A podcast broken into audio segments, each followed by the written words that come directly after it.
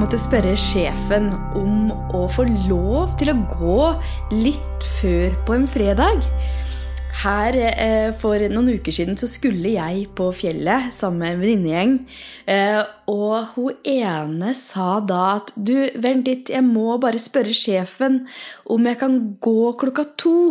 Eh, og for meg så er jo det helt fjernt nå, det å måtte spørre om å få lov å være fri og måtte spørre om å kunne styre dagene sine sjøl. Men jeg husker veldig godt den følelsen, og det er en følelse av å være litt låst. Eh, for nå så kan jeg jo faktisk dra på fjellet når jeg vil. Eh, jeg kan ta meg fri når jeg vil. Det er helt opp til meg. Jeg er min egen sjef. Eh, og det var jo litt av grunnen, eller en veldig stor grunn var det, til at jeg til slutt sa opp jobben min. For på et eller annet tidspunkt så blir nok nok.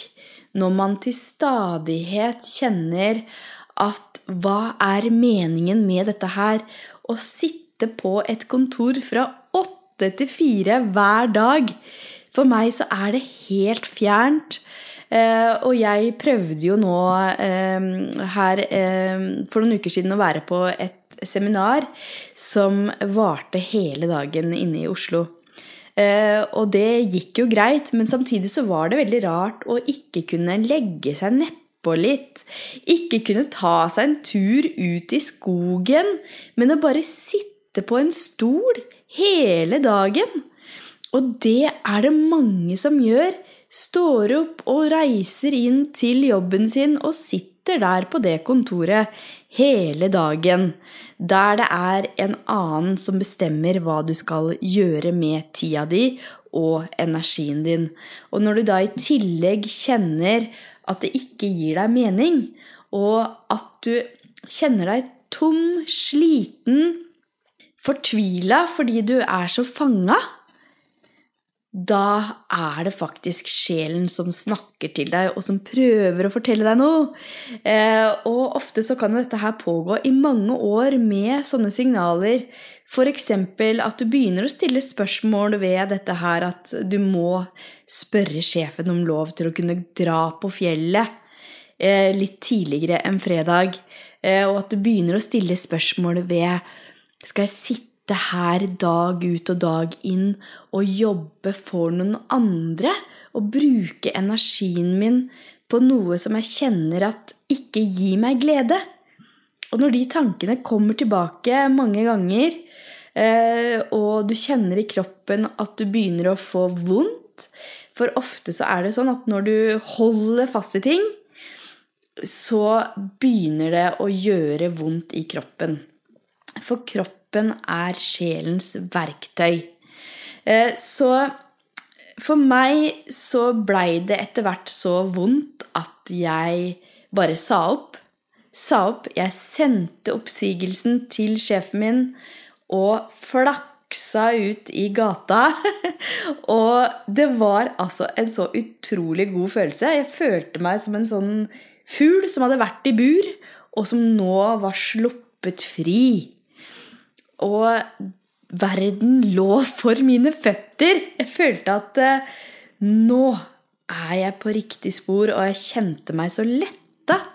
Og jeg hadde ingen kunder, men allikevel så var jeg helt sikker på at dette er veien min. Dette er det jeg skal gjøre. Og da hadde jeg også kjent på det lenge at eh, det var noe som ikke stemte med den hverdagen jeg hadde og at det var feil for meg, og hele tida måtte spørre om lov, og ha dårlig samvittighet hvis jeg kom litt seint, eller hvis jeg måtte gå litt tidlig pga. at jeg skulle hente barna i barnehagen. Den derre evige dårlige samvittigheten eh, og den følelsen av at jeg hadde noe mer inni meg som ikke fikk lov til å leve. Og når det etter hvert vokste seg stort, og jeg også gikk på flere smeller, så blei den smerten etter hvert så stor at jeg bare sa opp. Men det betyr jo ikke at du skal gjøre det på samme måte. Det aller viktigste, det er å legge en plan for hvordan du kan bli fri. Hvordan du kan bryte fri fra det du kjenner at at gjør at du føler deg låst. Eh, og også ofte syk, fordi man blir syk til slutt av å ikke følge det som er riktig for en.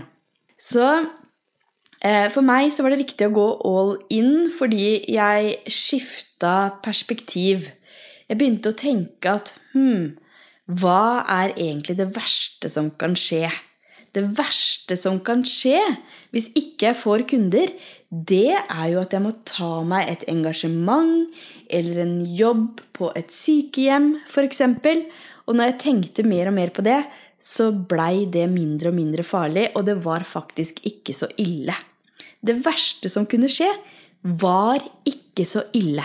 Eh, og sånn var det for meg. Men for deg så kan det hende at det er bedre å bare gå litt ned gradvis i stilling Eh, mens du bygger opp bedriften din steg for steg. Så det må du kjenne etter. Hvordan kan denne veien være for deg? Hva er det som kjennes riktig ut for deg? Sånn at du etter hvert kan skape den bedriften som du kjenner at du ønsker å være sjef for, sånn at du kan styre din egen hverdag og kunne reise på fjellet akkurat når du vil.